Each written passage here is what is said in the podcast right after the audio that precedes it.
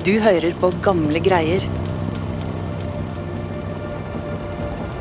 På dekket av et digert krigsskip som seiler langs nordkysten av Norge, står besetningen og ser opp i tauverket. De peker og ler, for det som foregår der oppe, er god underholdning. Og det er det ikke så mye av om bord på skipet.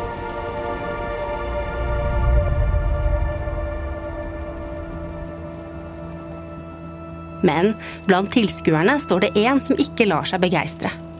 Han er tvert imot redd for at det mannskapet morer seg over, kan sette dem i stor fare.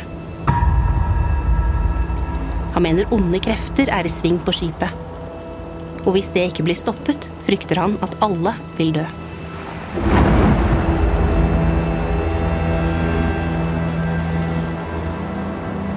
Historien du skal få høre i denne episoden av Gamle greier, handler om folketro og frykt, og om en konge som holder på sitt.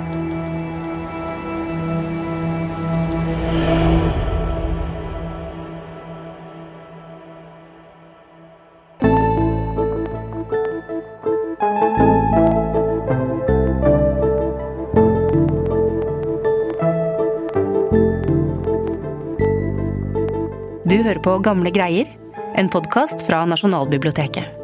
Jeg heter Ina Charlotte Fjellhøy, og det er Live Fedler Nilsen, historiker og journalist på Nasjonalbiblioteket, som skal fortelle historien, som begynner en vårdag i 1599.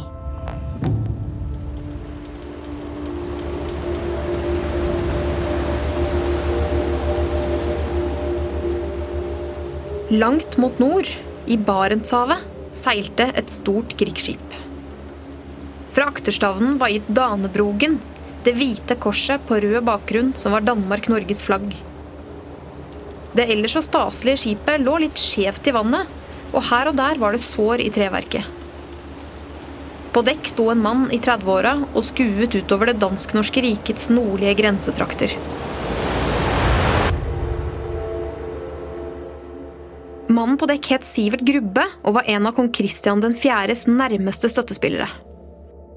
Som høyt utdannet adelsmann og øverste sekretær i kongens kanselli hadde han fått bli med den unge kongen på hans lange og farefulle reise for å hevde rikets interesser i nord.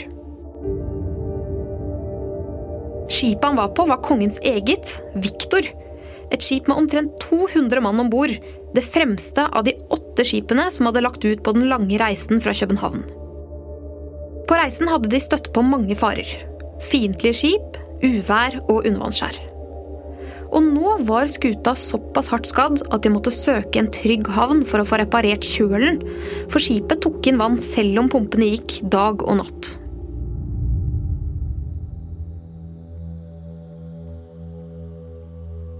Foran seg skimtet Grubbe havna de hadde sett seg ut. Det var ikke stort mer enn en bukt på en mindre øy, men landet lå høyt på begge sider og skjermet den naturlige havnen for vind og vær. I havna lå allerede flere av kongens andre skip og venta på dem. Skipet la til, og arbeidet med å reparere henne begynte. De krenget henne over på siden, så de kunne komme til kjølen og få lappet henne opp.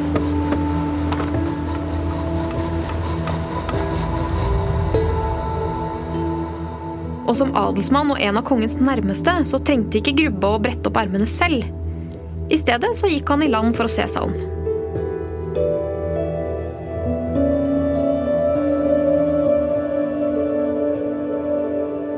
Øya viste seg å være rik på dyreliv. Både rev og ulv levde der, og dessuten flere hundre reinsdyr. Det viste seg nemlig at et samisk samfunn brukte øya som sommerbeite for dyra sine. Og mens reinsdyrene gresset, kunne de fiske og sanke røtter og urter og andre ting. Hele sommeren bodde det samiske samfunnet på øya i små jordhytter som de delte med hverandre og husdyra sine.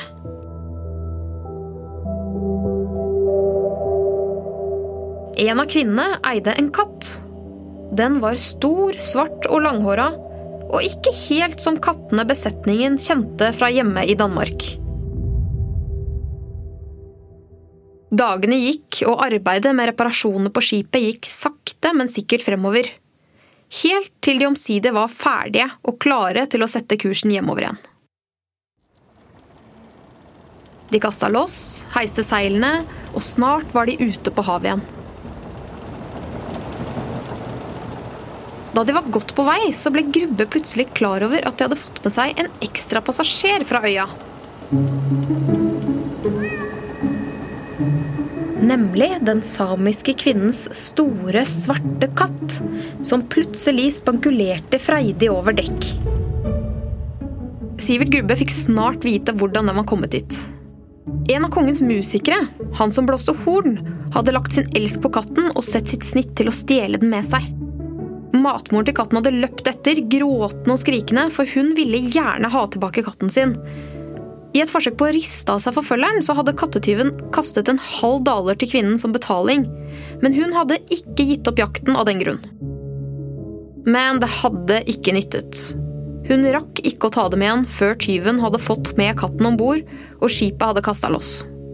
Hun kunne ikke annet enn å stå på kaia og speide etter katten som forsvant ut på havet. Og nå var katten også en del av besetningen på Viktor.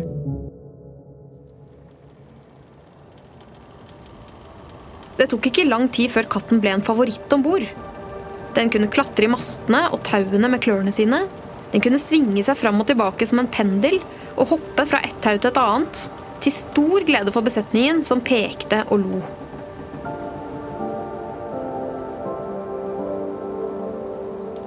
Med lange timer på vakt og hardt arbeid i mastene og på dekk, så var det nok mange som satte pris på å ha en artig distraksjon i hverdagen. Matrosen med potene var rett og slett en skikkelig gledesspreder. Og den som satte aller mest pris på katten, det var kanskje kongen selv. Unge kong Kristian 4. Han moret seg over kattens merkelige påfunn, og han ble like begeistra hver gang den kom med en fugl den hadde drept, eller gjorde sine rare krumspring i tauene.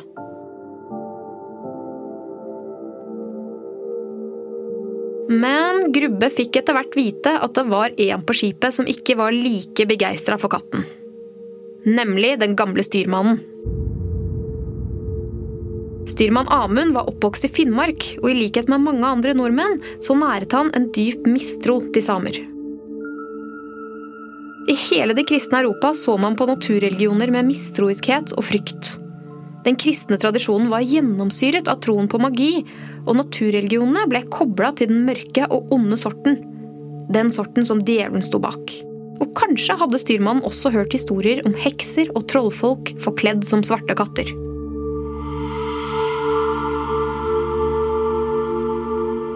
Amund fryktet i hvert fall at den samiske kvinnen kunne ha kastet en forbannelse over katten da den ble stjålet fra henne.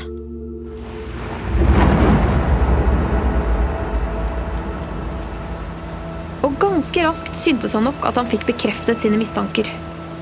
Det blåste nemlig opp til uvær. Vinden og bølgene herja med skipet. Det hadde vært nære på flere ganger at skipet gikk ned med mann og mus. Og noen spurte seg nok om det var slutt på flaksen.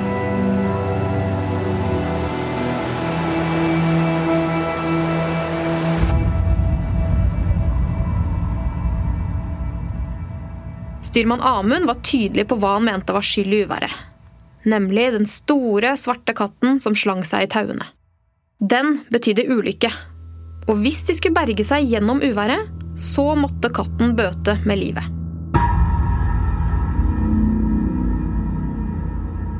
Styrmann Amund kunne ikke selv ta opp dette med øverste sjefen, altså kongen. Men Sivert Grubbe, derimot, han var så tett på kongen som han kunne komme. Så da folkene hans en dag kom til han med beskjeden fra styrmannen, så var det opp til han å fortelle det til kongen. Grubbe syntes riktignok at den gamle styrmannen var en smule overtroisk. Men trolldomsanklager, det var ikke noe å spøke med. Det var blodig alvor. Styrmann Amund var dessuten en garva sjømann som nøt stor respekt om bord. Så mens skipet krenget og vinden ulte rundt dem, gikk Grubbe og et par andre til kongen med disse anklagene og ba om å få lov til å kaste den svarte, firbeinte gjøgleren over bord.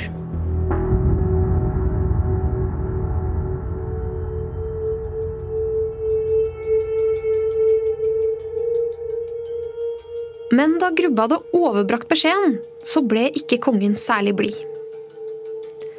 Den unge kong Christian ville ikke høre tale om å kaste katten over bord. Han hadde stor glede av den, og han ville ha den med seg videre på reisen. Sivert Grubbe skrev i dagboken. Flere ganger hadde vi hørt kapteinen si at intet av det han hadde brakt med seg fra disse områdene, var ham så kjært som denne katten. Som konge og kaptein på skipet var det Christian 4. som hadde siste ordet. Og hadde det ikke vært for kattens nyeste påfunn, så hadde kanskje saken vært ferdig da kongen protesterte mot styrmannens forslag.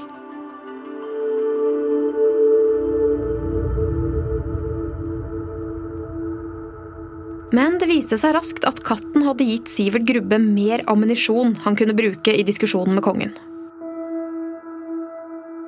For den dagen var nemlig en søndag, og på søndager var det alltid gudstjeneste. Presten hadde kalt matrosene sammen til preken. Og med uværet rasende rundt dem var det ekstra viktig å forkynne Guds ord og håpe at Herren ville holde sin beskyttende hånd over dem.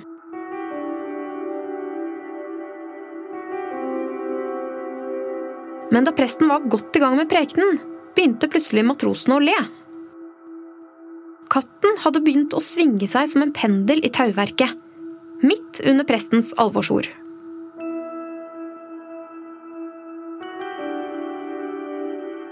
Det var ikke spesielt populært hos presten. Han avbrøt prekenen og begynte å kjefte på matrosene. Og katten hadde fått seg en ny fiende.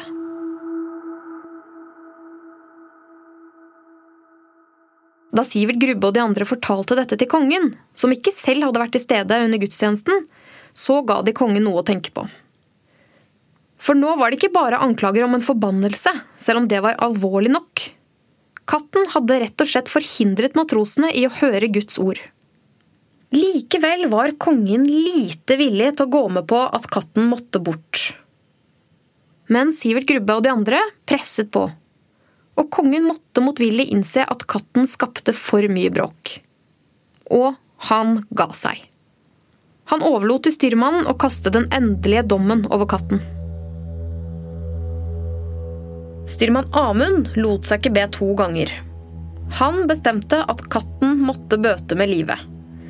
Den skulle kastes ut i bølgene og lide drukningsdøden.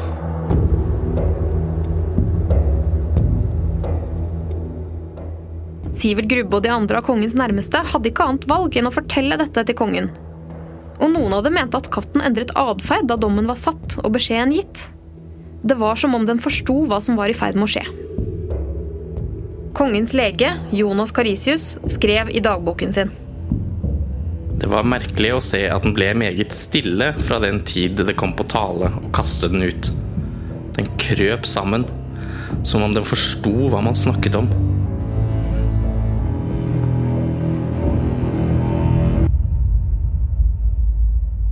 Men dette syntes kong Christian var for ille.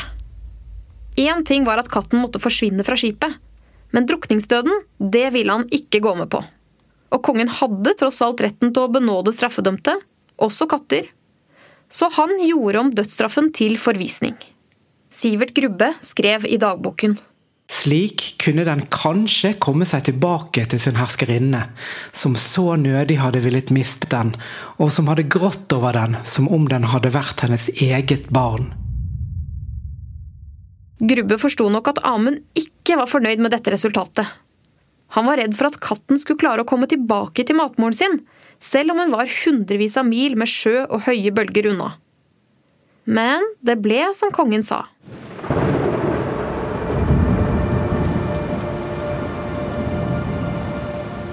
Katten ble satt i et kar som var fylt med brød og fisk, og bundet fast så den ikke skulle dette ut. Så ble den firt forsiktig ned i bølgene.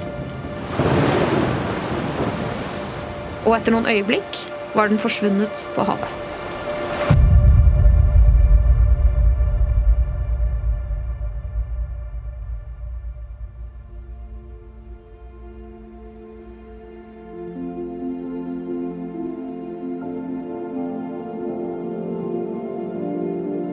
Samme kveld løyet uværet. og da morgenen kom, fikk de vindforhold som satte skipet på god kurs hjemover.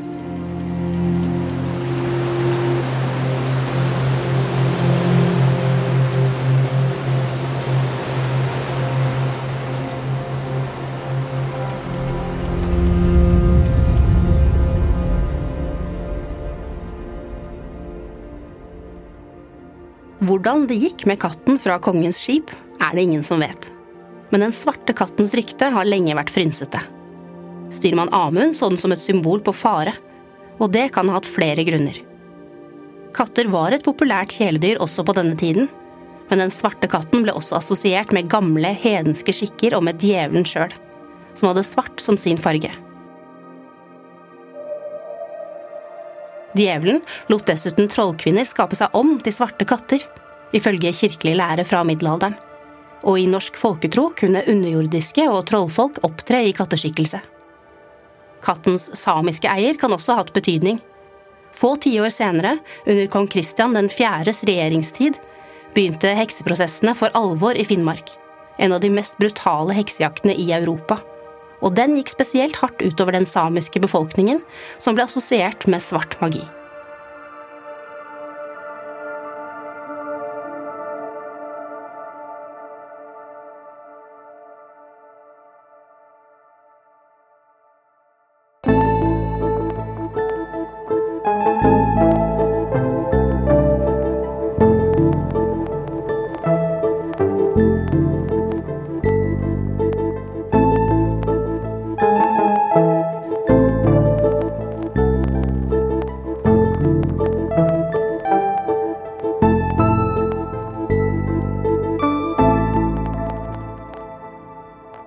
Hørt på Gamle greier, en podkast fra Nasjonalbiblioteket.